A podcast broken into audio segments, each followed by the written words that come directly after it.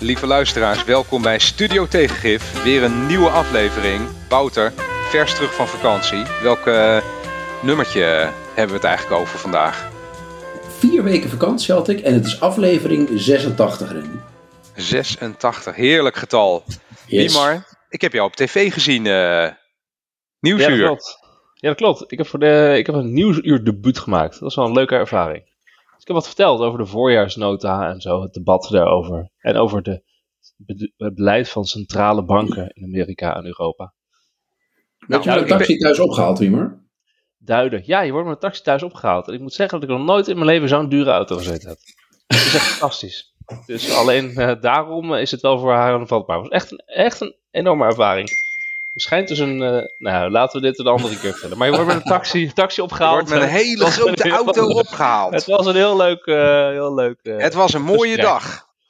Nou, ik ben verder blij dat ze eindelijk... Verder, verder ben ik heel jaloers op Wouter, want de luisteraars kunnen het zien, maar Wouter ziet heel uitgerust uit. Het is lekker bruin en is vier weken op vakantie geweest. Hij gaat nu vier weken aan het werk, terwijl heel de rest van de wereld op reces is. Dus dat wordt ook wel niet al te zwaar, ga ik vanuit. Ik ben heel jaloers. Ik, ik heb ook zelf wel behoefte aan vakantie. En Randy, ik wil niet veel zeggen, maar jij ziet eruit alsof je daar ook wel behoefte aan hebt. Ik, ik voel mij, ik sta op het tegenovergestelde punt als waar professor Welling eh, zich nu bevindt. Ik wou net ook even inbreken en zeggen dat Welling dus een van die sociopaten is. Die de vier weken voorafgaand aan het reces met vakantie gaat. En dan terugkomt als het reces begint. Complimenten Wouter. Je timing kan niet beter. Ja, mijn excuus was dat je, je moet altijd buiten de schoolvakanties op vakantie gaan. Eh, dan, dan zit je op eh, betaalbare plekken en eh, met niet al te veel mensen. Dat is echt fantastisch. Kan ik iedereen hey, ik, zag, ik zag wat anders leuks trouwens nog. Iemand stuurde mij een appje dat wij genoemd worden in een boek. Als podcast bedoel ik. De aflevering met Bernard Ter Haren werd. de, de, dat was een goed gewaardeerde aflevering ook. Wordt genoemd in het boek Kies toch niet steeds de kant van de macht. Eh, van Kim van Keken en Duwertje Kuipers. Nou, het moet wel een goed boek zijn. Ik heb het nog niet gelezen. Nee, dat is daar toch hebben we leuk? wel reclame voor gemaakt, dus eh, koop het maar. Ga lekker op de vakantie lezen. En het valt wel op dat de aflevering waar we iemand uitnodigen, dat die altijd heel goed gewaardeerd worden, hè jongens? misschien moeten we dat Logisch. als we terug zijn van vakantie. Want we- ja, misschien eh, gewoon... Randy, wij gaan allebei eh, wel eh, binnenkort op vakantie voor een paar weken. Hè? Dus de mensen gaan lang geen studio tegengif meer, eh, meer horen. Eh, jij bent al in eh, Italië geweest, eh, Wouter. Daar ga ik lekker eh, heen, een paar weekjes met eh, de familie. En, en, Randy gaat drentenieren, toch? Ik ga naar Drenthe. Ja, ik ben, Ja. ik ben al te kapot om nog verder, eh, eh, verder op vakantie te gaan. Mooi. hey, ehm, ik wil even de gekte eh, introduceren. Want ik las iets en daar kreeg ik echt, nou ja, eh, wel een beetje stuittrekkingen van. En het zou zomaar kunnen dat dat ook ermee te maken had. Ik las namelijk, ik las namelijk eh, een artikel in Trouw, onderzoek, dubbele punt. Er zit plastic in melk en vee van Nederlandse koeien en varkens. Eh, ongelooflijk. Hoe kan dat dan? Ehm, varkens en koeien krijgen dus partijen restvoer uit supermarkten.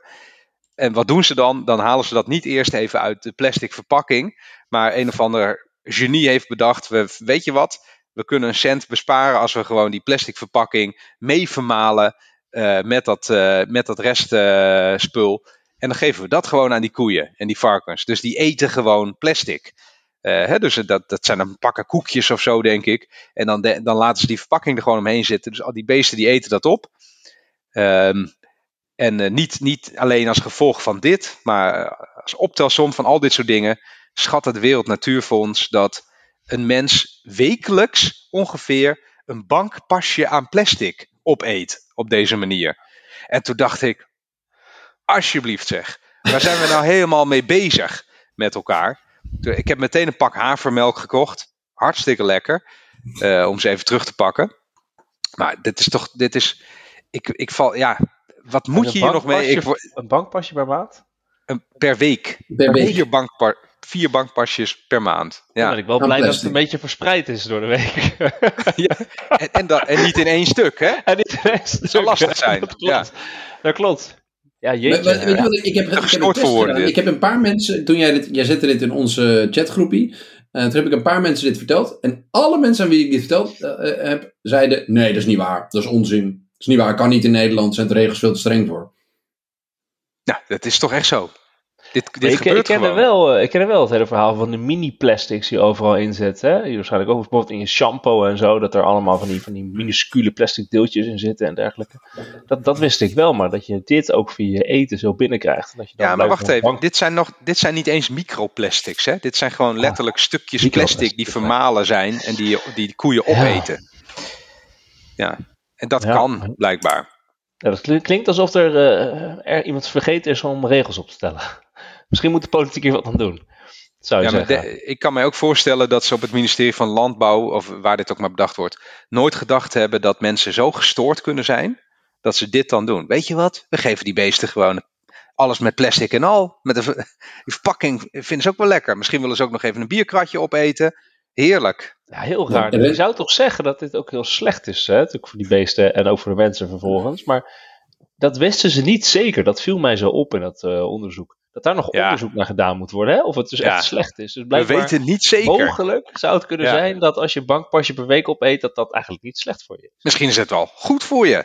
Misschien moeten we twee bankpasjes per week opeten. Ja, het is Nou, een optimum, denk ik. Je zegt dit over het land dat internationaal bekend staat over zijn culina- voor zijn culinaire producten, de frikandel en de kroket, die gemaakt worden van eh, restvlees en andere troep.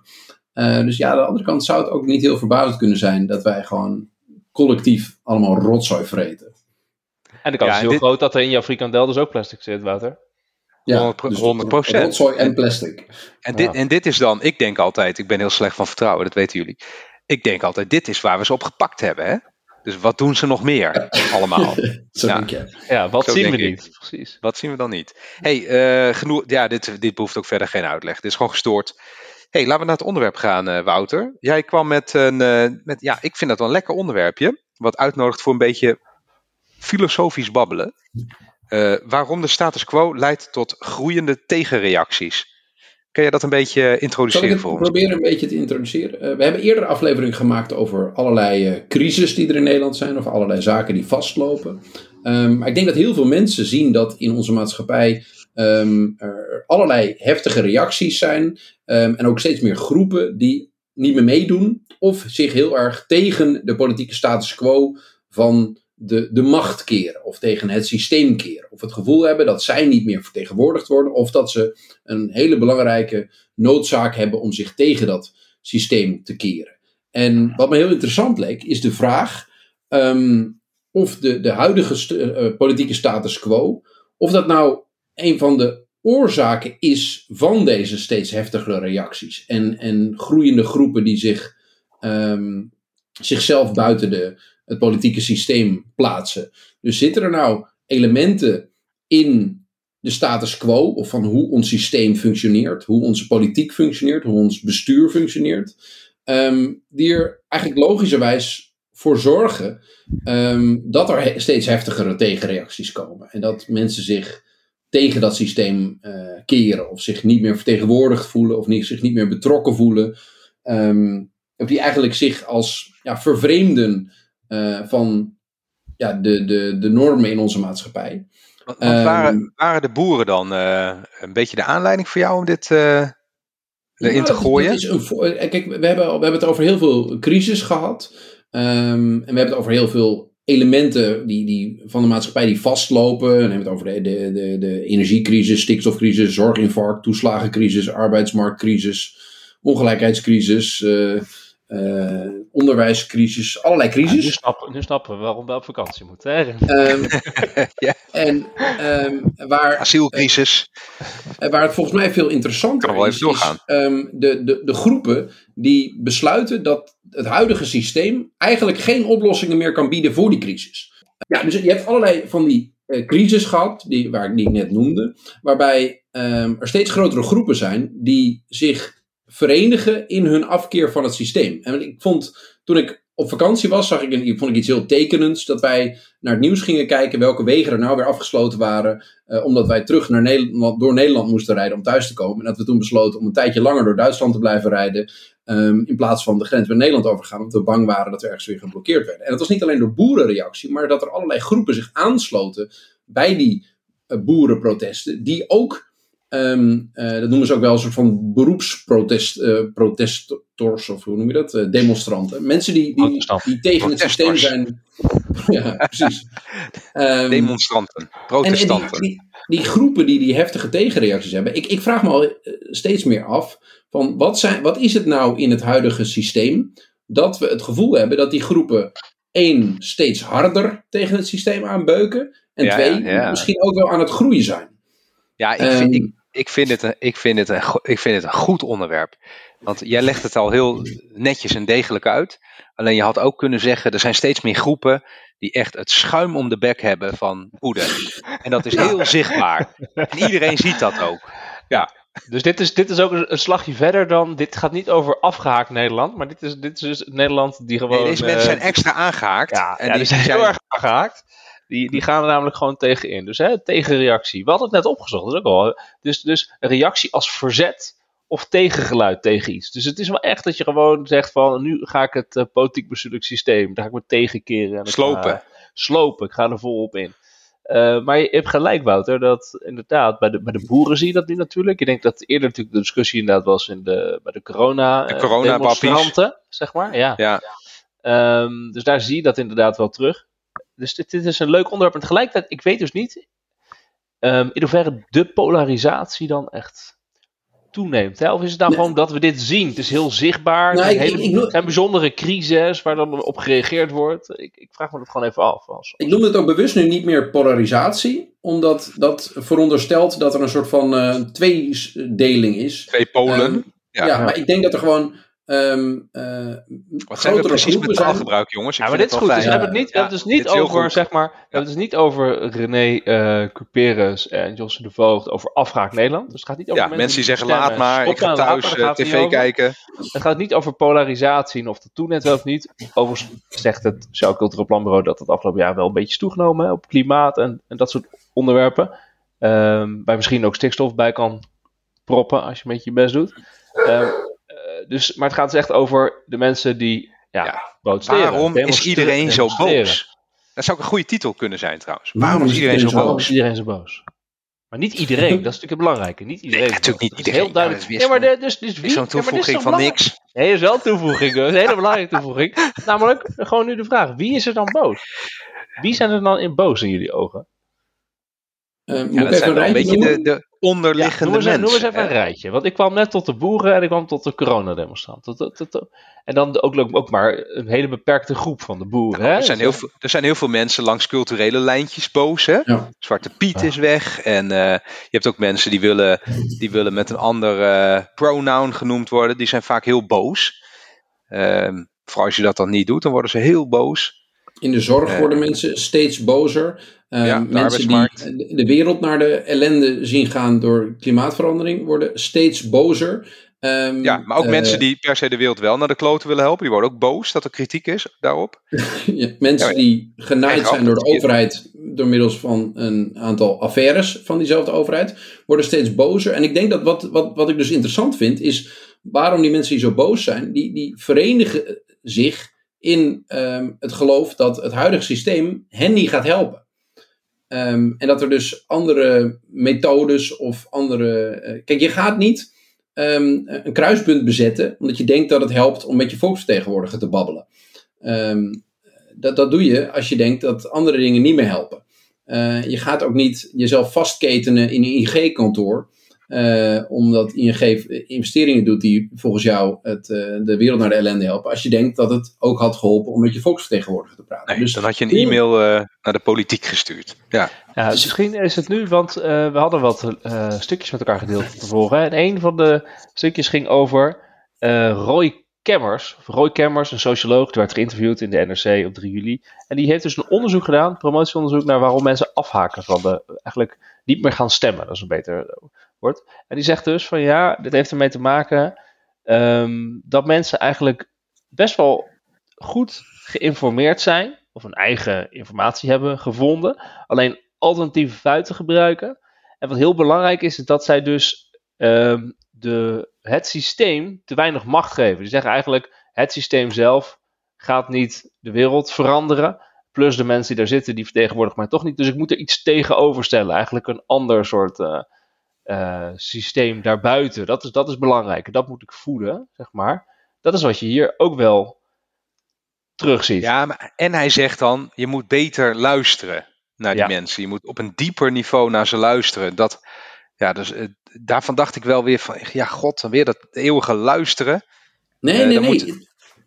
Nee, dat is wel interessant. Hij zei dus ook al van, het zijn dus niet de verliezers van de globalisering, maar het zijn dus mensen die het gevoel hebben het zijn dat, er, dat het systeem niet voor hen werkt, daar ook eigenlijk de echte macht niet ligt. De echte macht ligt op andere plekken. Um, ik, ik, kreeg zelf dan het gevoel een beetje... Klaus Schwab. Ja, ja wel een beetje complot dat soort dingen. gevoelens. Uh, maar ik weet niet, ja, hè, dus dat gevoel kreeg ik. Maar dan, dan begrijp ik wel dat je op een andere manier politiek bedrijft, zeg maar. Hè?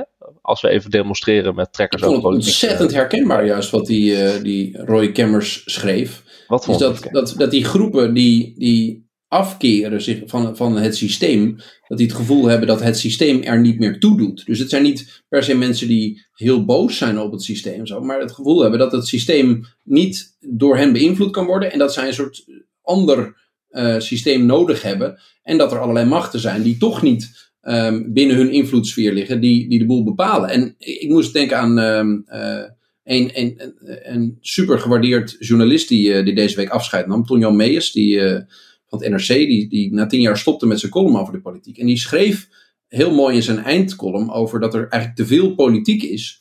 Um, en dat hij ook verandering heeft gezien in het landsbestuur. In, in um, dat, dat politiek vaak een soort van act was geworden. Een soort, uh, ja, dus het, het, draaide niet meer echt om wat er een showtje voor de bühne. veranderde. Een showtje voor de bühne. En, en dat sloot bij mij heel erg aan bij die, die als het ware, die afgehaakte mensen waar die, die Roy Kemmers het over had, die onderzoeker. Um, uh, omdat die ook concludeert dat deze mensen het gevoel hebben dat het allemaal een show is en uh, wat er in, in de politiek of in de schijnbare macht gebeurt. En dat zij er toch geen invloed op kunnen uitoefenen. Ja, maar gaat, er wel, gaat er wel wat fout in deze analyse? Namelijk wat er fout gaat in deze analyse. Als het dus inderdaad zo is dat in het politiek bestuurlijk systeem, dus in politiek Den Haag, dat daar geen macht zou zijn. De machtsoriëntatie ligt ergens anders. Of dat systeem werkt niet voor de mensen. Um, dan, dan, zouden de, uh, dan zouden de demonstranten waar je het over hebt, zouden ook niet tegen dat systeem in actie komen, want dat heeft geen macht. Waarom zou je dan daar je tegen keren? Dus er gaat iets fout in deze analyse, heb ik dan het gevoel. Ik, nee, nee, nee, nee. Als nee, ik, nee. Even om op scherp te krijgen. Okay. Want, wat, want, kijk, want bijvoorbeeld, uh, dat uh, Anne Insfield hadden we besproken, Josse de Voogd in Volkskrant en jullie. Die zeiden juist van ja, dat je bent afgehaakt. Het is niet je eigen schuld, want het is de bovenlaag die allerlei processen in gang heeft gezet, waar je eigenlijk geen invloed op hebt. En waar het wel begrijpelijk is dat je niet meer uh, mee door wil gaan. Dat uh, laat dus wel zien dat hij dus denkt dat er een machtspositie zit bij die bovenlaag. En dat, nou, dan is het wel begrijpelijk dat die mensen niet alleen afhaken, maar een bepaalde groepen dus ook tegenkeren. Ja, ja, ja. Ja, maar dit is allemaal heel, heel uh, dat bedoel ik helemaal niet flauw hoor, maar dit is allemaal heel marxistisch gedacht. Hè? Dus de bovenbouw, die hebben de macht. En uh, die doen dat niet goed. En daarom uh, is de, onder, de onderbouw, de gewone man, die, die, die, die is de sjaak. Nou, dit is een hele korte samenvatting van het marxisme even. Ja. is het niet... Ja, dat hoor, maar dat horen we toch al zo lang, Wiemar, of niet? Is dat nou echt nieuw? Nee, dat is niet nieuw. Alleen, we hadden, het, het is, ik wil als een reactie op het eerdere stuk over de, van de socioloog. Hè, de, uh, van, van uh. En ook dat, dat Wouter zei, ja, waar, en, en dus ook van uh, Tom Jan Meeuwis, van waar ligt de macht nou echt? Als de macht niet in, in politiek bestuur Den Haag ligt, ja, dan is het logisch dat je volgens niet gaat stemmen. Het is logisch dat je daarop afhaakt. Het is logisch dat je niet meer meedoet. Dat je denkt, het is een show. Maar ja. dan is, en het is ook logisch dat je ergens anders uh, ja, wel gaat protesteren. Ja. Want je denkt dat de macht ergens anders in Nederland ligt maar, dan in Den Haag. Maar, maar dan is het is niet logisch om je tegen dat systeem te keren. Want dat heeft toch niks te zeggen. En volgens mij die coronawappies, om het zo te zeggen. En ook de, de, de, de, de, de boeren die nu protesteren. Die keren zich heel duidelijk tegen de, de Haagse macht. Nou, maar nee, nee, nee. Die, die keren zich tegen um, de, de, de uitvoering van die macht. Maar er zit nog wel vaak de uh, aanname achter dat niet de uh, partijen of de bestuurders die die macht uitoefenen de beslissingen nemen, maar dat die beïnvloed worden. Ja, en dat ja, staat ook precies in die eindkolom van, uh, van Tonio Meijers. Um, dat die beïnvloed worden door een heleboel andere maatschappelijke actoren. Dus door... puppets, dat is het gewoon. Ze hebben, ze hebben wel macht, ze hebben instrumenten, ze kunnen Nederland veranderen, maar ze bepalen het niet zelf. De echte macht ligt ergens buiten hen. Exact, bij de mensen die die ideeën Een vormen. beetje lastig kijken. Oeh, je echte macht ligt elders. Dat vind ik altijd zo ingewikkeld. Ja, Ja. ik vind het ook heel ingewikkeld, maar hoe Ik ben je dat ik- begrijpen? Ik, ga even, ik gooi weer even een plank over de sloot en ik noem het een bruggetje dan. Ja. De Ja. echte macht, jongens, Vertel. ligt natuurlijk bij mensen die boeken schrijven. En ik heb weer een, echt een schitterend boek gelezen. eh, die, die, dit, die dit probleem van jou, Wouter, op een veel betere en aantrekkelijke en totaal andere manier eh, verklaart. Namelijk, ehm, ik heb het boek gelezen Het tijdperk van de ik-tiran van Eric Sadin. Ik denk dat je het zo uitspreekt. Dat weet je dus nooit als je dat eh, gewoon leest. Eh, ondertitel Het einde van een gemeenschappelijke wereld. En dan wordt het al een beetje duidelijk waar het over gaat. En dit is, nou, de, toen ik het las, dacht ik eerst van, nou, nou ja, wel aardig hè. Eh, maar hoe langer ik het laat bezinken, hoe meer ik denk, ja, dit, dit is een hele goede analyse van wat er nu aan de hand is. In, eh, nou ja, de hele, de hele wereld zou je kunnen zeggen. Hij zegt eigenlijk in de kern, de apparaten die wij gebruiken als mensen, die vormen ons. En hij heeft het dan natuurlijk over eh, ehm, smartphones eh, en dergelijke. en social media. En hij zegt, ik, ik zeg het even, ik ben heel slecht altijd in het samenvatten van dit soort, van dit soort geweldige boeken. Want er zit eigenlijk dan te veel goeds in. Hij zegt eigenlijk, die smartphone en die, en die social media, die hebben zo'n heel comfortabel kokonnetje om ons heen gemaakt.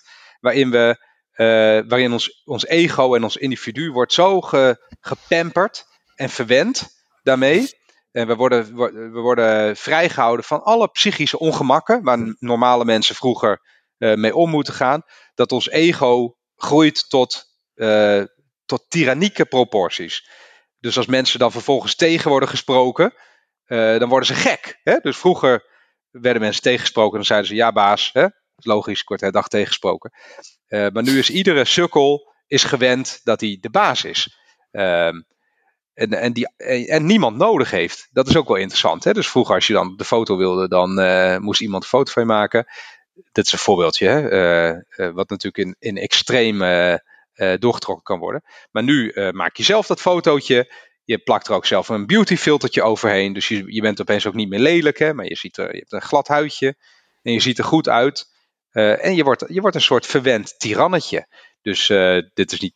Dit, dit, zijn mijn eigen woorden, maar je kan, zou kunnen zeggen dat, ehm, dat iedere boerenlul tegenwoordig het ego heeft van een Russische tsaar. Want ja, iedereen is het met je eens. En als iemand het niet met je eens is, dan blokkeer je hem gewoon op Twitter of op op weet ik veel wat.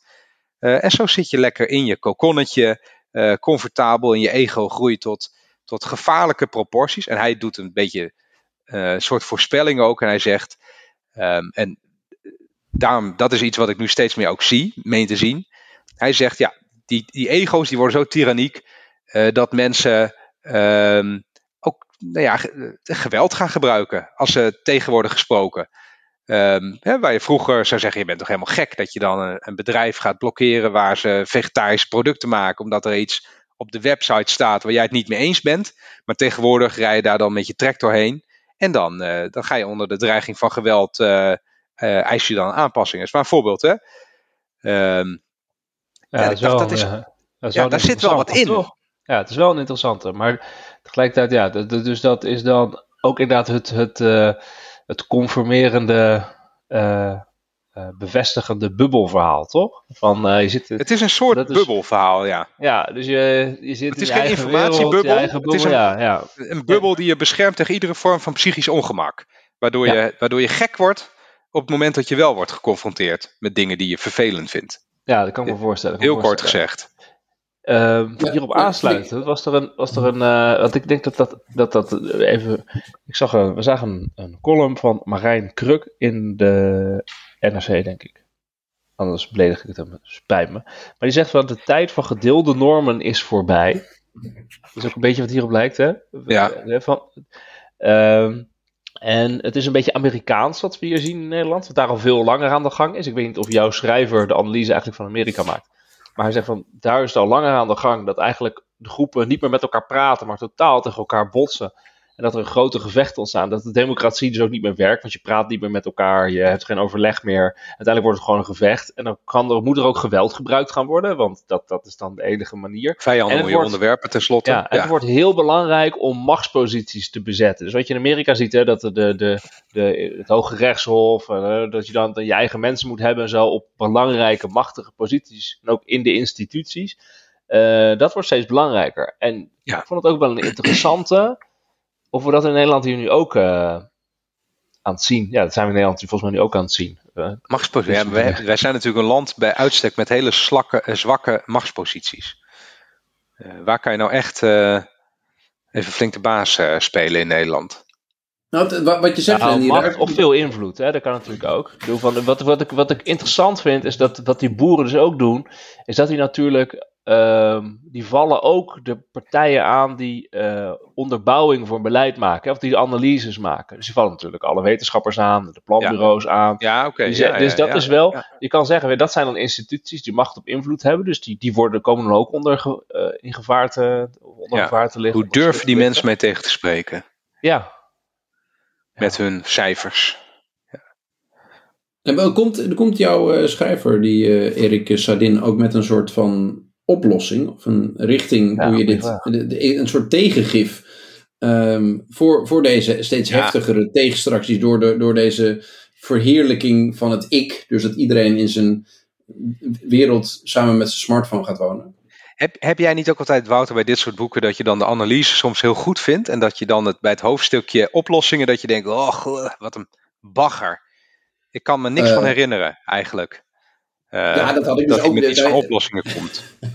Eh, Hetzelfde wat jullie net zeiden bij dat, dat boek van die, van die Roy Kemmers. eh, die, die, die, die hangt een bepaalde methode aan van heel veel empathie. En ja, daar drelen we ook helemaal het probleem.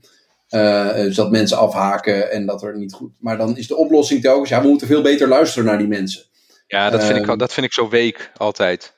Ja, maar wat was Weet je, deze als je het oplossing? fundamenteel niet met elkaar eens bent, dan kan je wel heel erg naar elkaar luisteren. Maar dan, dan krijgt dat een therapeutisch gehalte.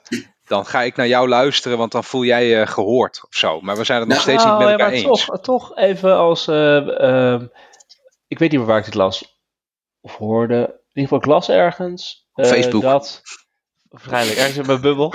ik las ergens dat. ehm, Het is jouw waarheid. ja, Noemen. ergens in mijn tyrannieke ik las ik het.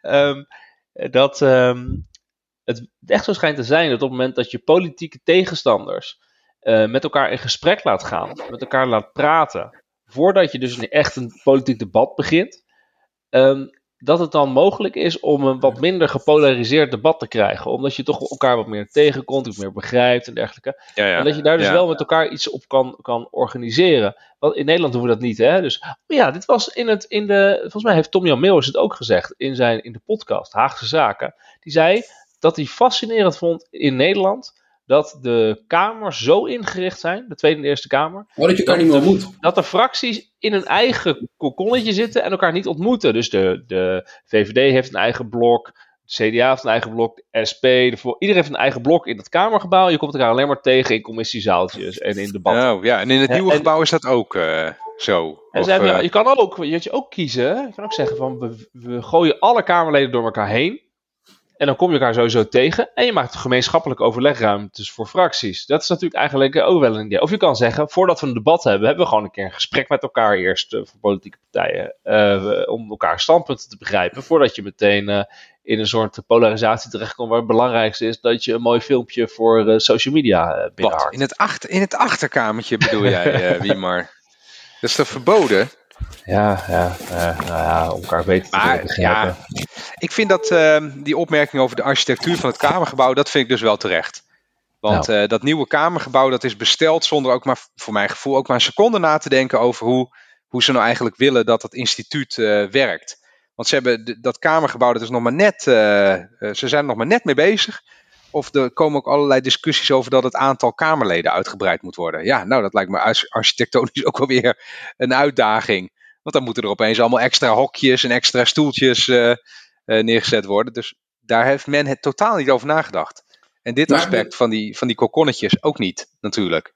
Randy, wat is nou die oplossing van die eh sardine waar je absoluut niet in gelooft?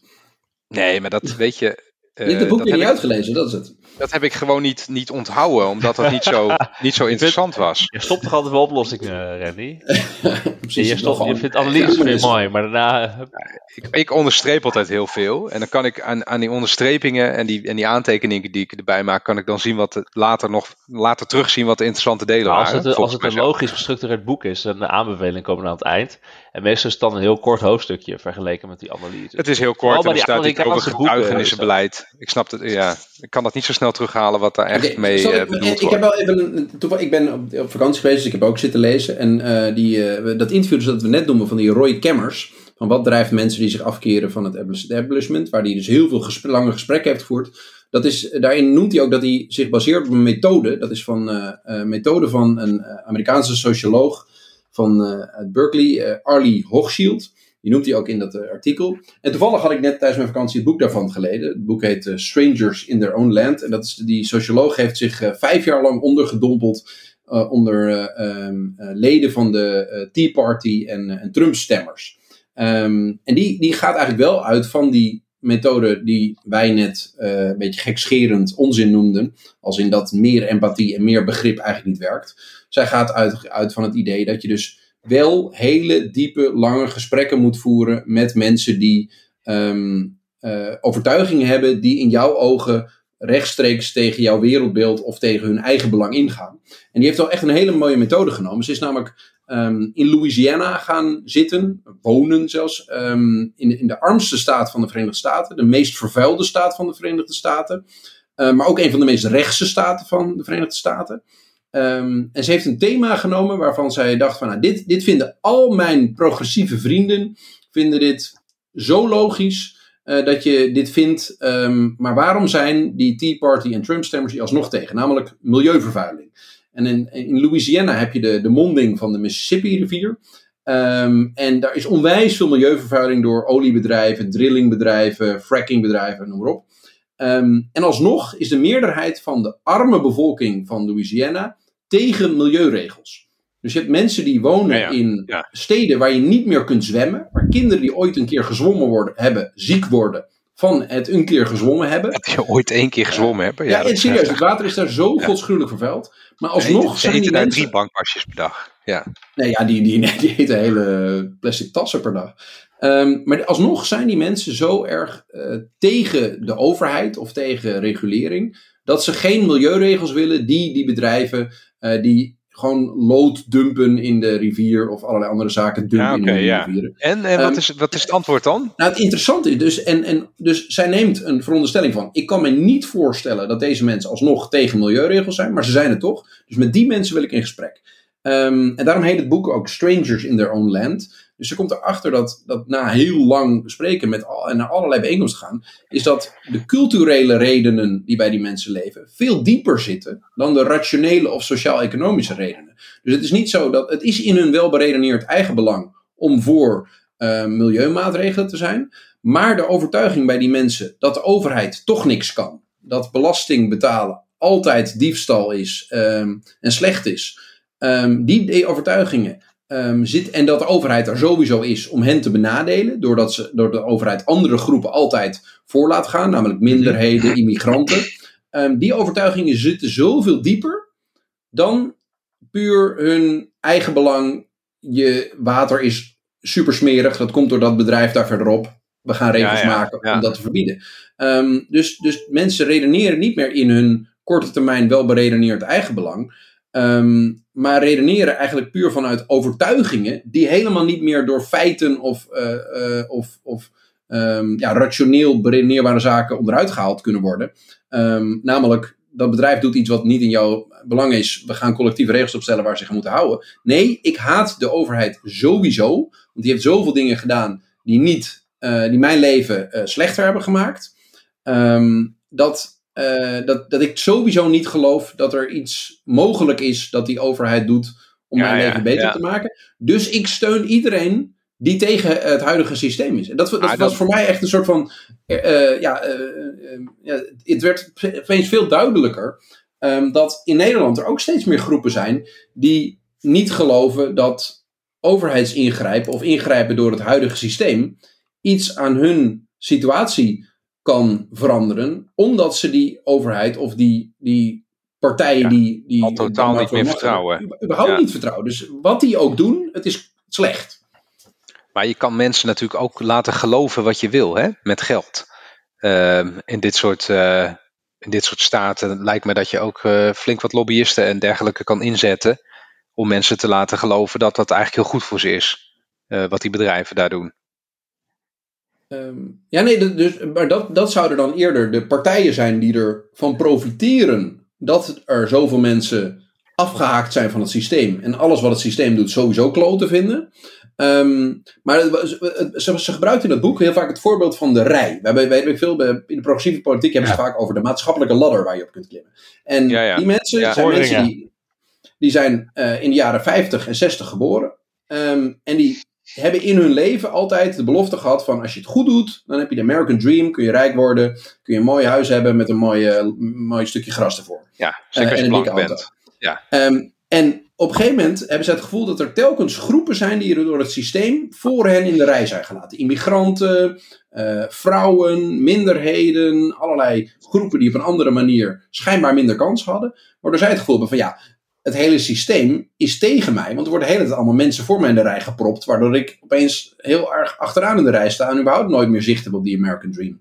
Um, en, en natuurlijk zijn er partijen die dat verhaal, die mensen nog meer gaan inpeperen.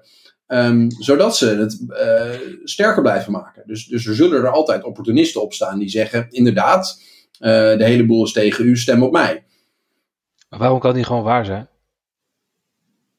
Dat, dat, dat die mensen achter, naar, verder naar achter zijn gedrukt in de rij. Nou, ik denk dus dat dit, een, als je dit eventjes naar de Nederlandse situatie krijgt. Nederland is meestal een soort van uh, de Verenigde Staten in het klein over tien jaar. Um, dat hier ook groepen zijn die doorhebben dat hun maatschappelijke positie verslechtert, eh, gaat verslechteren. En dat er allerlei zaken zijn waar de politiek heel veel aandacht aan besteedt, die ervoor zorgen dat hun belang niet vertegenwoordigd wordt. En dat ook het vertrouwen dat ze hebben dat het hun belang überhaupt ooit nog kan vertegenwoordigen, ja, ja, dat het afneemt. Dat het gewoon nou, niet meer toedoet. Daar zit, daar zit wel wat in. Want als mensen van één ding nou boos worden, we hadden het over boosheid aan het begin, dan is het, dan is het uh, afnemende verwachtingen. Dat je altijd hebt gedacht, uh, ik krijg 100 en het wordt maar 50. Uh, daar worden mensen niet zo blij van. Nee, precies. En wat je ziet, uh, is, uh, je ziet in allerlei onderzoek dat overheden, en ook in Nederland, dat de output van de overheid toch wel opvallend vaak um, overeenkomt met wat hoogopgeleiden vinden, om maar zo te zeggen. Dus je merkt gewoon dat verkiezingsbeloftes, waar mensen met een lagere opleiding of lager inkomen heel veel belang aan hechten, dat die niet wordt nagekomen. Dus ik, ik, ik snap dit natuurlijk wel. Ik vind dat ook best wel begrijpelijk. En zeker als je het optelt bij alles wat we het net over hebben gehad, over uh, informatiebubbels en, en, en dergelijke. Uh, ik snap het eigenlijk wel. En ook die cultuur. Kijk, als je nu kijkt naar. Nou, sowieso was natuurlijk uh, de hele corona-crisis en alle demonstranten toen. was ook heel duidelijk een soort van cultuuroorlog. En je ziet het nu ook bij de boeren ook. Gewoon het boerenbestaan, dat dat in, de, dat dat in gevaar is, is natuurlijk al een cultuuroorlog. Ja, dus daar word je natuurlijk heel, heel boos veel geld van. achter. Ja, ja, ja dus ik, ik, snap dat, uh, ik snap dat heel goed. Um, maar hoe is dit alles nu nog steeds een. Uh, een hoe, hoe zorgt het ervoor? Want niet alle mensen, Wouter, um, die Hochschild daar uh, um, zeg maar heeft, uh, heeft gesproken, zijn afgehaakt of gaan niet meer stemmen. Hebben op Trump dus wel gestemd. Maar die gaan niet ook niet allemaal in de aanval tegen het systeem. Dus, dus wat, wat leren we nou, van Nederland? De, de, de, Tea Party was wel een stuk radicaler dan wij in Nederland hebben meegemaakt. In ieder geval een stuk anti uh, meer antisysteem dan, dan wij denken. Um, en ja, ik, ik, denk eerder dat dat, dat een, een goede manier is om te begrijpen. Dat, dat zelfs wij, wij deden net ook een beetje gekscherend over maar we hebben het eerder over gehad. We hebben het eerder over gehad. En uh, Randy kwam heel goed herinneren dat jij een keer die uitspraak deed toen we het over Boris Johnson hadden. Niet over deze week is afgetreden. Maar dat, toen hadden we een gesprek van waarom stemmen mensen populisten? En toen uh, zei jij van ja, soms hebben mensen gewoon, hebben gewoon door dat met stemmen op de bestaande partijen dat je dat, dat niet genoeg oplevert. Dus na een tijdje ga je maar voor een populist eh, stemmen waarvan je het gevoel heeft, die kan dwars door het systeem heen rammen. Ja, tuurlijk, en dat doe je dan maar gewoon. Ook is het misschien tegen je uh, rationele belang. Uh, denk aan de Brexit. Nou, dat is hier natuurlijk ook het, uh, het geval. Het komt er heel erg mee overeen. Ik vind dat voor Nederland natuurlijk ook wel heel bijzonder. Dat je eigenlijk wel ziet dat we hebben in Nederland wat populistische partijen, maar uiteindelijk wie is in Nederland altijd degene die in de macht zit? Dat zijn de bestuurderspartijen. Er zijn maar een paar partijen die in de regering mogen. Hè? VVD, CDA, ChristenUnie, PvdA, D66. Vergeet ik er dan één? Volgens mij niet eens. Ja, zijn GroenLinks nog? Maar die, die wordt, nee, die wordt er... nee, dat mag niet. Mag niet. Mag niet. Ja, SP mag er niet in. Dieren mogen er niet in. Uh, eh, PVV mag er niet in. Ja, maar GroenLinks mag, bijvoorbeeld wel in uh, lokaal, hè? Maar landelijk heb je gelijk. Ja, ja. lokaal kan alles. Ja. ja. Hey, ik, ja, maar dat betekent ander... dus gewoon, ja. Nee, ik wil nog een ander invalshoekje erin gooien nog. Uh, misschien zeggen jullie wel van wat, wat een onzin, maar dan is alleen maar leuk. Ehm, ik, las een, ik las een ander boekje en het ging over de aanloop naar de Franse Revolutie. En daar liet ze zien, heel kort hoor, dat het percentage van de bevolking dat van adel was, ik heb die percentage even niet, niet bij de hand. Maar dat, dat was teruggelopen van, nou ja, laten we zeggen, iets van 10 naar iets van 1 procent door, door natuurlijk verloop. Want uh, als je een zoontje kreeg, dan werd hij ook een baron. En als je een dochter kreeg, dan niet. Snap je? Dus de adel dunt uit van natuur. Dus, nou, bladibla. En dat werd, dan, dat werd dan ook gebracht als een van de redenen dat dat hele systeem van adel met een koning aan de top, dat dat verzwakte. Uh, maatschappelijk gezien. Dat er steeds meer mensen waren die daar geen onderdeel uh, van uitmaakten. En toen dacht ik, ja, weet je, democratie, ook een systeem. Uh, dat is toch, uh, op zijn Abraham Lincolns is dat, is dat bestuur van het volk, voor het volk, door het volk. maar um, hoeveel mensen doen daar nou eigenlijk aan mee? Um, en toen, toen heb ik dat een beetje op proberen te zoeken, maar dat is helemaal niet zo makkelijk. Maar wat dus, wat dus blijkt, is dat het aantal volksvertegenwoordigers is drastisch teruggelopen. en dan denk, je, dan denk je misschien nu aan de 150 Kamerleden.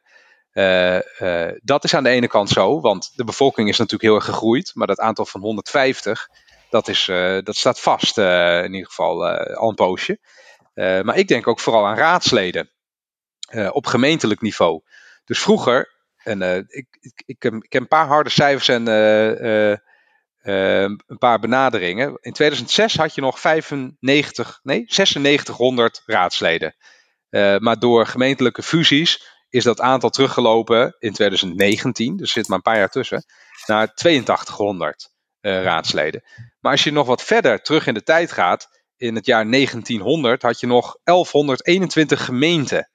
Uh, en uh, nu heb je iets van 360 gemeenten. Um, en als je dan een beetje, hè, een beetje goochelt met cijfers en je, je doet even alsof een gemeente gemiddeld 15 raadsleden heeft toen, dan had je dus in 1900 had je iets van 17.000 raadsleden. Op een veel kleinere bevolking dan nu. Nou, jullie snappen waar ik heen ga. Um, dus, dus een raadslid uh, vertegenwoordigt nu 2034 mensen gemiddeld. Je zegt gewoon de uh, verbinding is verbroken. De politieke de elite is, is te klein, kan ook niet meer representatief zijn. En dat leidt er uiteindelijk toe dat je, dat je wordt, uh, dat, dat er tegenreactie komt, uh, om het zo te zeggen. Ja, en een, ka een Kamerlid vertegenwoordigt uh, 117.000 mensen. Dat is superveel. Ook in internationaal verband. Uh, ja. Dat had ik ook op kunnen zoeken. Dat heb ik, uh, heb ik verzaakt, helaas. Want dat heb ik in het verleden wel eens opgezocht. Dat is, dat is enorm veel. In de, in de meeste andere landen zijn dat soort getallen veel uh, kleiner. Je hebt veel grotere parlementen. Dus het is logisch dat mensen minder connectie voelen met de democratie. Omdat ze nou ja, misschien zelf geen toegang daartoe hebben. Um, en gewoon geen, geen raadsleden kennen. Of geen, geen Kamerleden kennen. Ik zag, een, ik zag ook een fotootje van Caroline van der Plas in een, in een CDA-jasje campagne voeren. Een paar jaar geleden. Doetinchem of zoiets, weet ik niet meer. Zag ik op Twitter voorbij komen. dat is wel een goed voorbeeld van iemand die probeerde toen in de raad te komen. Dat lukt niet, omdat die fracties allemaal één of twee of drie leden hebben. Hè. Het is allemaal super klein. maar als, als mensen erin komen, in plaats van er steeds buiten vallen, ja, dan worden ze ook wat milder al, hè? snap je? Dus volgens mij onderdeel bent van de politieke ja. elite. Ja, ja, ja. Ja, ja dan ja, ben je inside the tent pissing out, hè? in plaats van, uh, ja. hoe zei Hugo de Jonge het ook alweer, outside the tent pissing in. Ik denk dat hier best wel wat in zit. Volgens mij moet je al die gemeenteraden moet je gewoon verdubbelen. Je moet gewoon twee keer zoveel mensen instoppen. Ik denk dat de hele politieke onvrede meteen wat dempt. Maar denk je dan dat de mensen die, die nu als het ware uh, echt pissig zijn op het systeem. En die democratische processen niet meer als oplossing zien om de, aan de, wat aan de boel te veranderen, maar eerder als oplossing zien bakstenen naar een agent gooien of hooibalen in de hand zetten. Ehm, dat die wel betrokken worden als er opeens twee keer zoveel gemeenteraadsleden zijn en zij op hun, uh, hun buurman kunnen gaan stemmen? Ja, wel beter. Ik denk het wel. Ja, nee, serieus, ik denk het wel. Uh, daarom zei ik ook, uh, wat, wat, wat Lincoln altijd zei over democratie. Het bestuur van het volk, voor het volk, door het volk. En in mhm. Nederland zijn we dat door het volk zijn we een beetje kwijt. Dus we stemmen wel, maar het gevoel daarbij is dat we kiezen een beetje onze bazen. in plaats van dat we ons zelf besturen. Um, ja, dat, en dat, het, dat lijkt een beetje zo weinig mensen bij betrokken zijn. Precies, en, en de, hoe we nu dan dat. Ja, precies. En, en ik denk dat het politiek bestuurssysteem dat zelf ook wat doorheeft. Dat ze eigenlijk niet representatief zijn. Daarom wordt er dan inderdaad. komt er een voorstel uit. wat dan op enorm veel tegenreactie leidt. En dan vervolgens moet er een onafhankelijk persoon buiten het politiek systeem aangesteld worden om hier een oplossing te verzinnen en alle partijen bij elkaar te brengen. Lees uh, Johan Remkes. Dus, dus uh, weeg het allemaal nog een keer. Ik vind, dat vind ik dus een hele bijzondere.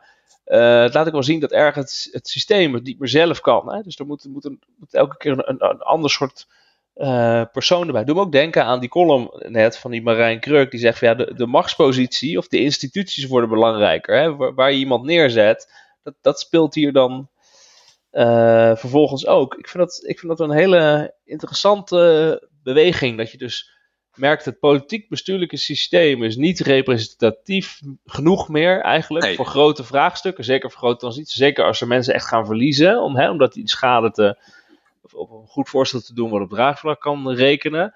Dus dan wordt, is de keuze, dan gaan we het een beetje technocratiseren. Dus ofwel het komt bij een onafhankelijke institutie te leggen, of we zetten, zetten een verkenner aan het werk, of een bemiddelaar, of een coördinator, of iemand anders, die dan een beetje een soort halve schaduwomgeving uh, dan maar zo uh, tot een, een mag komen tussen alle partijen. Veel jenever en ja. Ja. Nee, ja. En, en dan heb jij waarschijnlijk nog niet eens gelezen dat het kabinet een burgerforum voor klimaat- en energiebeleid wil instellen. Ja. Heb je dat uh, gezien? Heb ik gezien, ja. Dat is best wel interessant, want Nederland heeft natuurlijk een burgerforum, de Tweede Kamer, voor dit soort, voor dit soort kwesties. Maar daar, daar, daar, blijkbaar is er geen vertrouwen, wat jij ook zegt, in de representativiteit of de, de, de werking van dat orgaan. Ja, maar dat ziet ook iedereen. Er is namelijk een staatscommissie Remkes geweest. Heel bijzonder, waar komt die naam vandaan?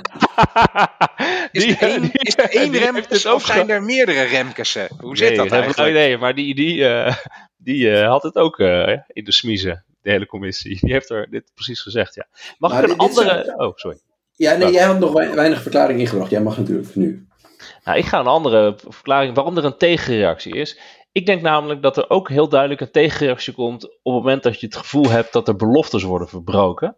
En een van de dingen uh, die je volgens mij ziet in Nederland is dat we hebben natuurlijk zeker, nou, we hebben van, van oorsprong best wel een wat behoudende conservatieve uh, mainstream politiek, of eigenlijk heersende politiek in Nederland. We hebben een beetje rechts van het midden. Hè.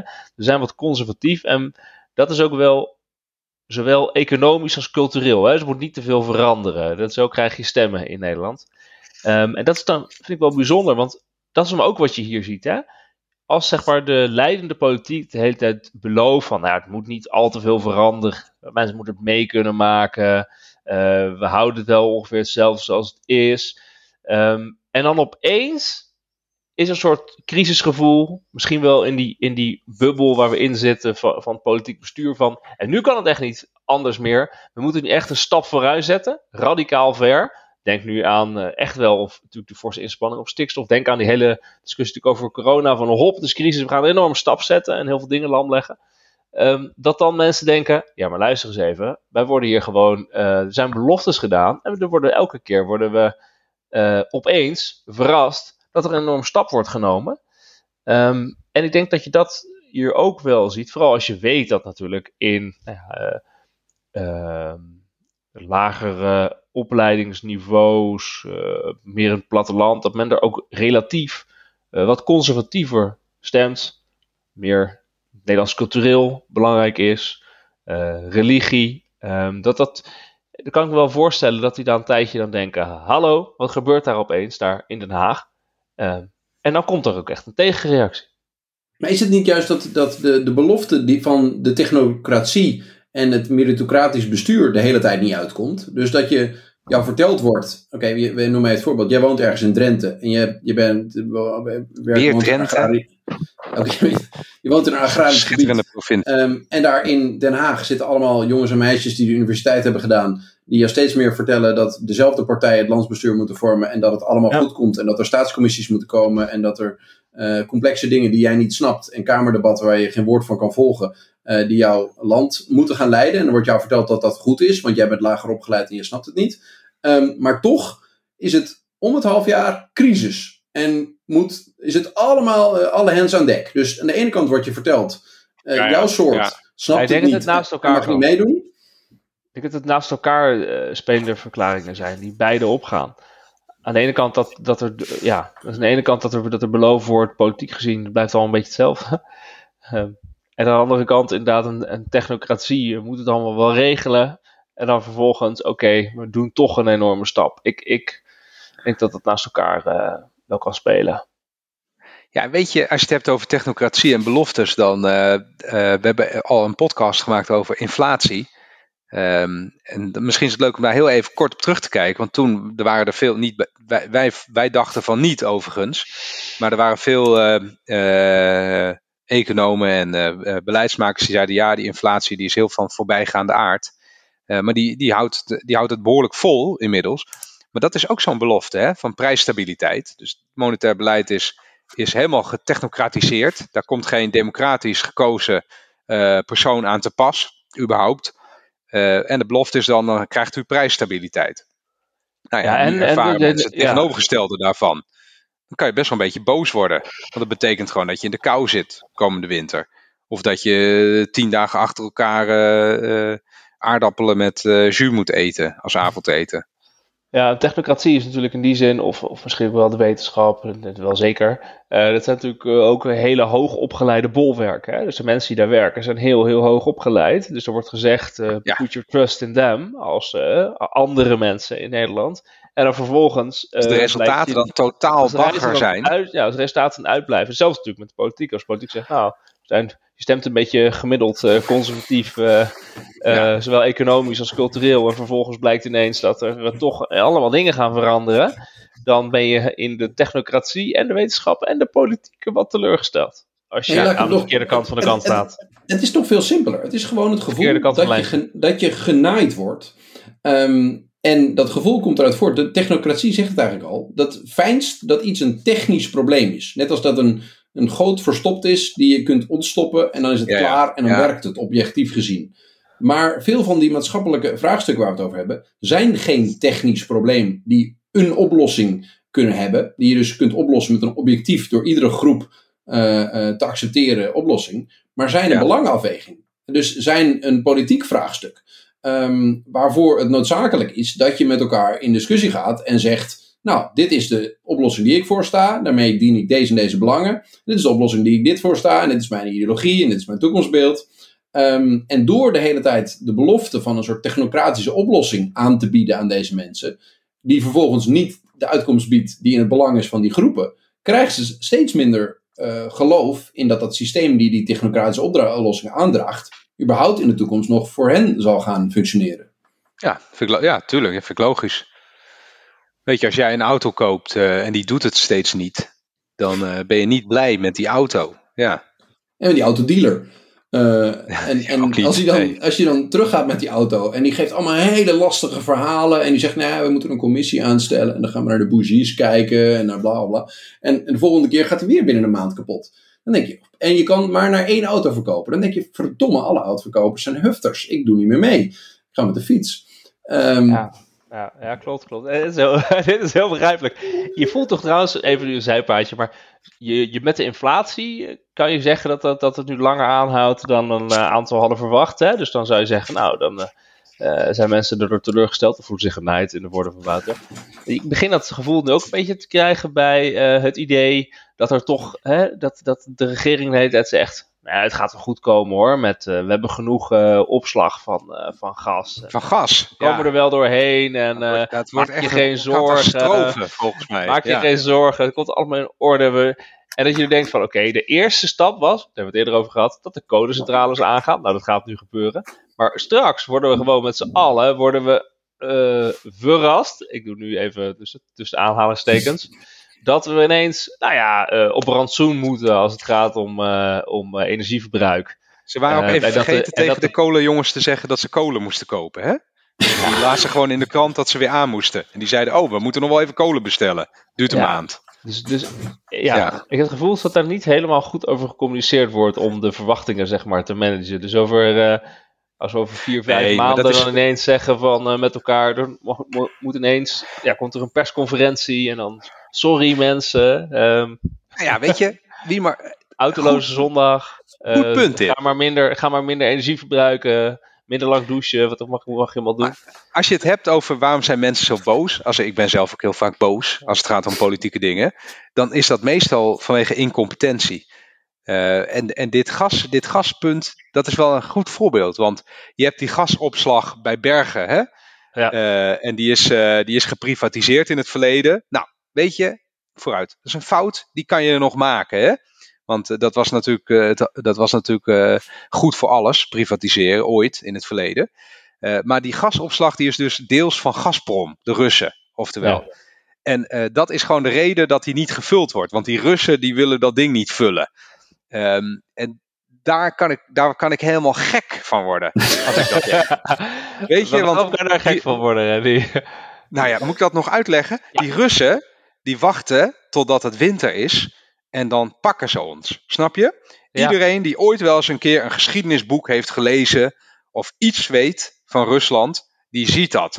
Uh, met 100% zekerheid gaan ze dat doen. Die Russen die praten op hun eigen tv en in hun eigen uh, parlement. Uh, openlijk erover dat zij in oorlog zijn met Europa. Zij zijn niet in oorlog met de Oekraïne, zij zijn in, de oorlog, in oorlog met de hele NAVO, met de VS en alle Europese landen. Zo zien zij dat. En wij denken dat die lui ons straks, als het koud wordt, gewoon gas blijven leveren. Ja. Ja, Waarom is die gasopslag dan leeg? Het is allemaal geen toeval niet. hoor. Die lui die wachten totdat wij op ons allerkwetsbaarst zijn. En dan pakken ze ons. Dus wat ieder uh, normaal, capabel bewindspersoon dan doet. Als hij zo'n gasopslag heeft, die, die om, om, onduidelijke redenen niet gevuld wordt. Die, die, uh, die nationaliseert dat. Of die neemt de controle over in praktische zin. Die stuurt daar een politieauto heen en die zegt: En nu wordt die gasopslag gevuld. Ja. Uh, en dat moet. Ik schrijf het gewoon in de wet. Hè? Of, ja, dat doe je maar gewoon. Ik bepaal dat nu. Maar in Nederland doen we dat niet. En daar kan ik helemaal nee, gek van worden. Dat komt omdat er dan een juridisch medewerker binnenkomt lopen die zegt: nee, nee, nee, dit is staatssteun, dat mag niet. Kijk hier.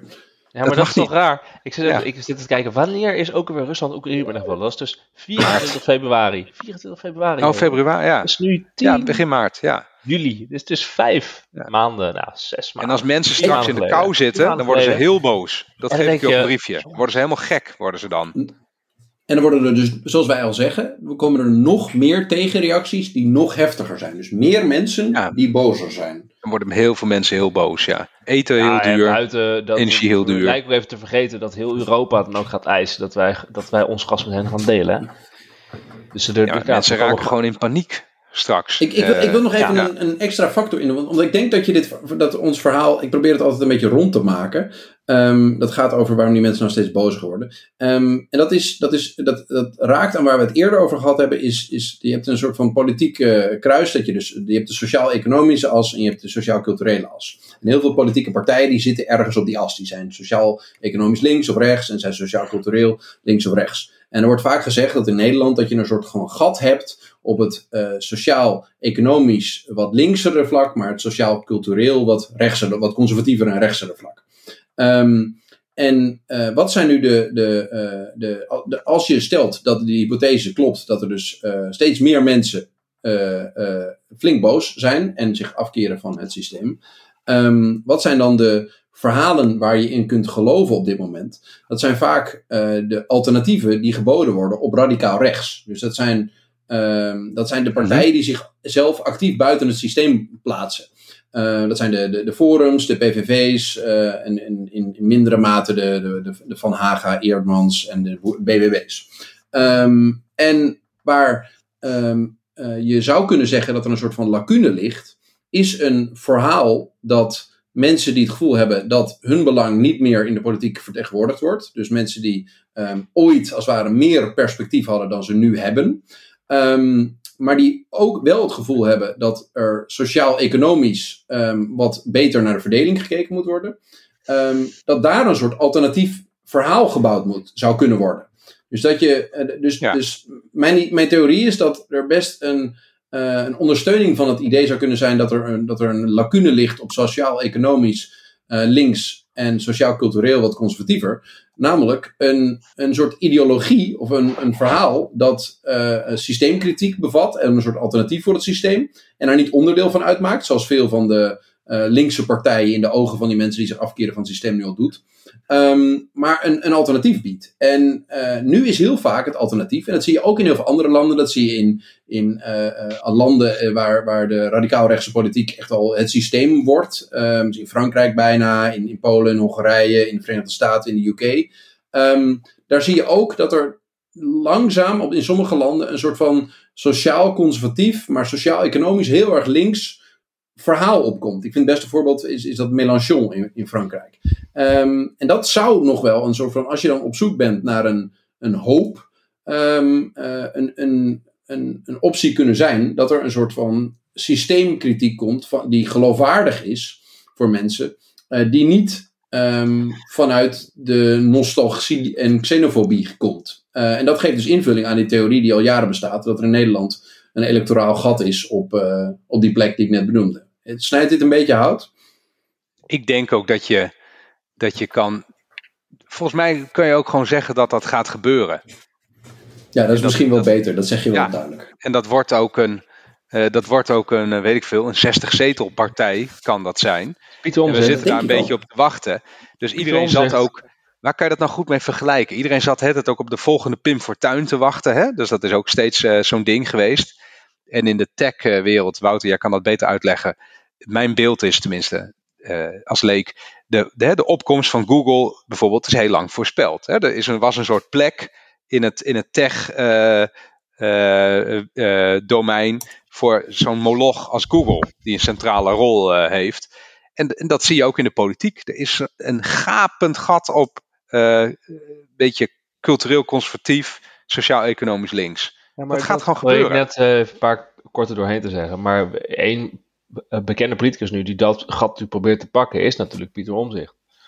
Die is, die is ook ja. met, zijn, uh, met de manier waarop hij nu in de Tweede ja, Kamer bezig is. Klopt. Hij is ten opzichte van het CDA, zijn oude positie, is sociaal-economisch echt wel uh, immens progressiever geworden. Ja. Uh, veel meer ja. bezig met ongelijkheid, bescherming van de zwakkeren en dat soort zaken. Bestaanszekerheid. Bestaanszekerheid. Zo cultureel is hij natuurlijk uh, wat toch um, uh, ook over. behoudend. Wat behoudend. Ja. Dus, dus hij zit daar natuurlijk heel sterk in. Ik denk overigens dat Caroline van der Plas hier, daar, hier ook zo neer kan zetten. Zij wordt natuurlijk nu op het ticket boeren, wordt ze nu, gaat ze nu naar, bo naar boven in de peilingen. Maar als je naar haar programma denk ik zou kijken, kom je hier ongeveer wel op uit. Dus uh, er ligt natuurlijk wel ruimte. Ja. dat gebeurt natuurlijk ook in veel landen. Hè? En ik denk trouwens ook dat Omzicht ja. en uh, Van der Plas zijn ook twee politici die heel duidelijk mensen van, die zich voelen alsof wij staan buiten het systeem, dat ze die mensen een stem geven in het systeem. Ja, ja, ik denk, ja, ik, ik denk, denk dat... die voorspelling gaan we even op een briefje schrijven, want dat gaat nog gewoon een keer gebeuren. Alleen in veel landen gebeurt dat ook en dan uh, zijn het meestal uh, miljardairs of mensen met een supergroot mediaprofiel uh, die naar binnen treden, hè, à la Silvio Berlusconi of ja. in Oost-Europa heb je dat vaak, ik, ik, kan die naam even niet produceren, maar hele rijke, hele bekende mensen die dat, die dat in één keer kunnen forceren. In tegenstelling tot uh, iemand als uh, toch Pieter Omzicht, die dat, die dat dan heel rustig hè, moet opbouwen. Of Jerry Baudet. Of, uh, nou, ik denk dat, dat nee, die, die, ben ik niet mee eens. ik, je moet het toch een beetje, Nederland is dat, eigenlijk een, soms ook een soort van ziekzinte Bundesland. Wij, wij, moeten ook naar onze grote boer, broer in het oosten Duitsland kijken.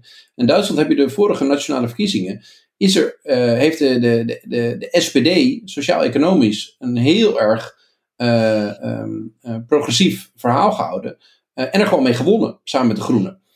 Um, en ik denk dat in Nederland het, het sentiment veel conservatiever is um, qua culturele waarde.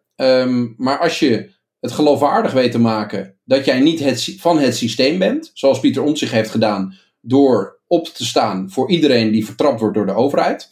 En zoals Caroline doet, door op te staan voor iedereen die een eerlijke boerenboterham verdiende. Ehm, Mhm. Dus je, je hebt een sociaal-economisch progressief verhaal. En dan mag je best heel saai zijn. Want Pieter Omtzigt is super saai. Die hield zich met econometrische modellen en fiscale zaken en het pensioenstelsel bezig voordat hij dit ging doen. Ehm, maar toch vertrouwen mensen die gozer. Omdat hij op is gestaan voor mensen die vertrapt werden door het systeem. Dus ik denk dat, dat we beter naar. Dus dat het electoraal. En dat was natuurlijk in Duitsland ook. Hè? Dus in Duitsland heeft is ook, Ja. elke analyse zegt ook, de SPD heeft daar niet gewonnen, maar eh niet- Scholz. CDU heeft verloren. Ja, Ja, Scholz heeft CDU gewonnen en CDU heeft verloren. Scholz heeft als persoon gewonnen omdat hij betrouwbaar overkwam ten opzichte van eh De rest. CDU die, eh, die, die Merkel natuurlijk niet meer had. Dus dat, is, dat is natuurlijk wel iets wat je hier in Nederland ook zou kunnen gaan, eh, gaan zien. Maar ja, Hey, wat zeg jij nou net, Wouter? Jij denkt dat Omtzigt dat, eh, die doorbraak wel kan eh, maken. Ik, ik, ja, ik vind dat, dat vind ik een te, te spannende eh, voorspelling om te doen. Ehm, maar ik denk zo dat als die een echt een duidelijke een outsidersverhaal eh, geloofwaardig kan maken, ehm, dat die zo eh, eh, 20 plus eh, eh, zetels zou kunnen halen.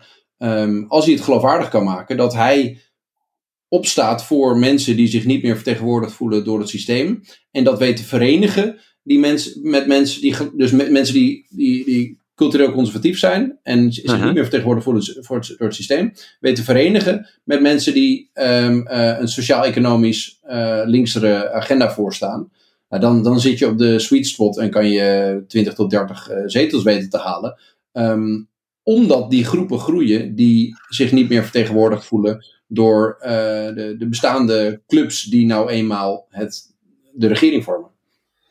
Ik denk dat het nog veel. Ik denk dat je het nog bescheiden insteekt. Want eh, dat is iedereen alweer vergeten. Maar Forum voor Democratie werd bij de Eerste Kamerverkiezingen. Ja, ik zeg het Ja. helemaal fout. de, de, de provinciale eh werden zij de grootste, hè? Vanuit het niks. Ehm, en dat kan, dat, kan gewoon, dat kan gewoon heel duidelijk gebeuren. En dat was dan. Dat is dan ook nog een beetje een gek partijtje, hè, met wel veel eh, beschadigingen ook. Ja, als je, als je, een, als je een, een, een deelnemer hebt die, eh, die nog veel sterker is, ja, waarom zou je niet in één keer 50 zetels kunnen halen? Ja, dat wordt natuurlijk ook het eh, bijzondere bij de komende verkiezingen van de Provinciale Staten. Dat het ook gewoon natuurlijk een vertrouwensstemming wordt over, over het kabinet. En nu, nu dus vooral veel discussies over, de, over het stikstofbeleid. Als natuurlijk Caroline van der Plas, want ze gaat overal meedoen, hè, begrijp ik. Als zij met de, de BBB eh, overal mee gaat doen, nou dan ben ik wel heel benieuwd. Als dit eh, thema zo groot blijft, dan eh, ja, ben ik wel benieuwd wat eruit gaat Oh, dat blijft wel zo groot, want dat is zo georganiseerd. Immers dat dat, Ja. dat het dan nog speelt. Ja, hey, Wouter, Wouter. is het een beetje, ben jij een beetje, hebben we nu eigenlijk, zitten we richting een antwoord op jouw vraag? Ja, ben jij blij met het rondje wat we nu gepraat hebben? Dat wil jij altijd, toch?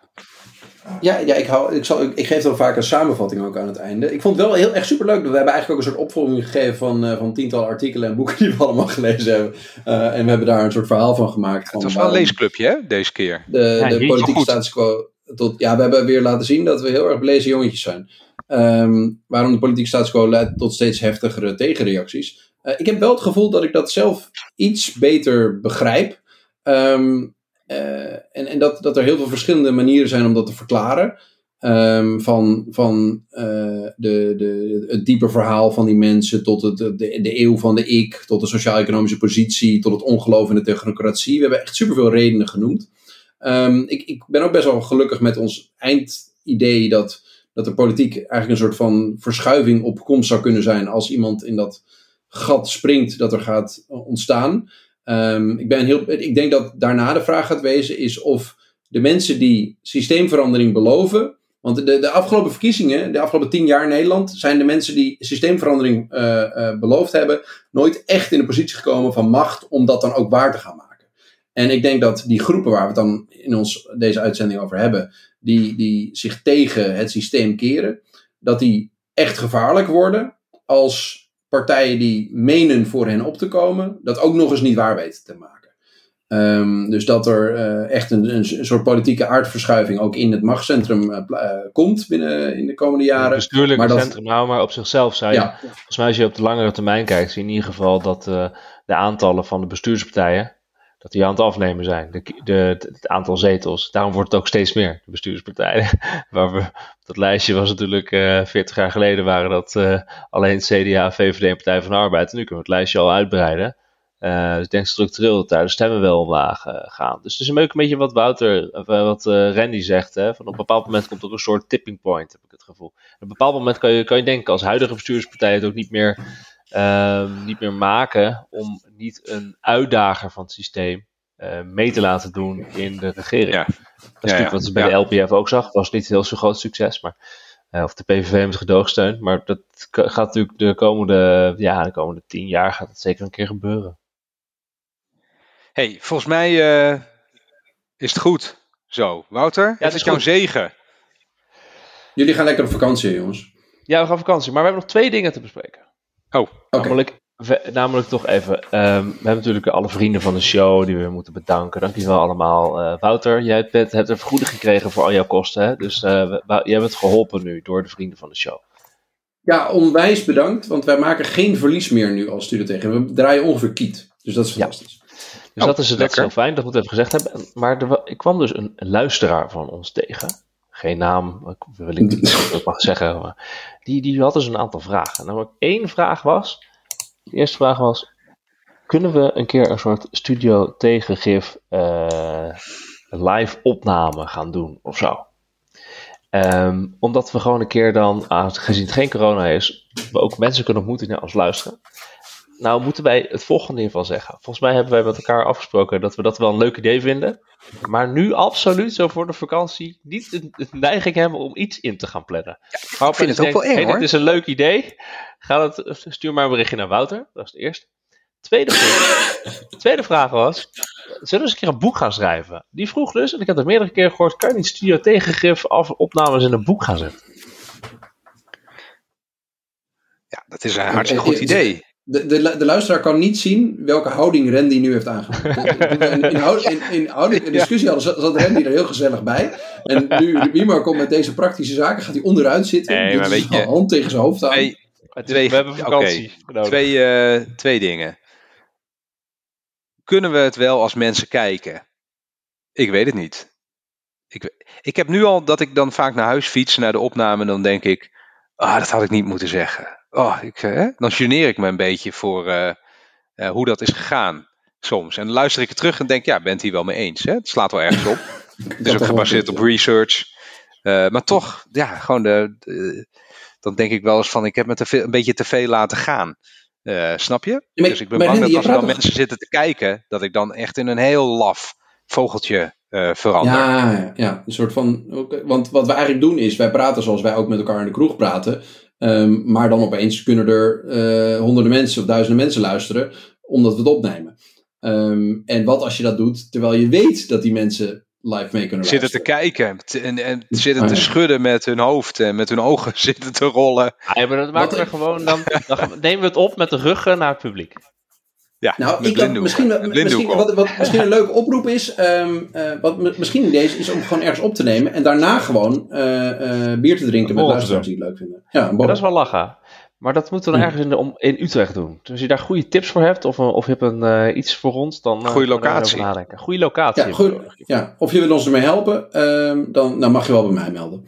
En offer ik me toch weer op, jongens. Heel goed. Hey, en dat boek?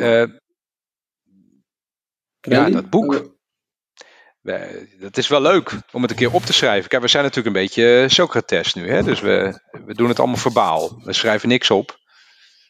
Uh, maar er zit wel natuurlijk al een beetje een patroon in. Uh, onze uh, analyses en kritiek op bestuurlijk Nederland. En wel leuk om uitgevers mogen zich bij Wimar melden. Op een rijtje te zetten. Dat is goed. Uitgevers mogen zich bij mij melden. als jullie vinden dat we als Tegengrif auteurs samen een boek moeten publiceren hey, volgens mij uh, wordt het nu gewoon tijd uh, de luisteraars te bedanken. Aflevering 86, het was weer een gouden. 1 uur, 15 minuten. Bedankt voor het luisteren en tot na de vakantie. Ciao.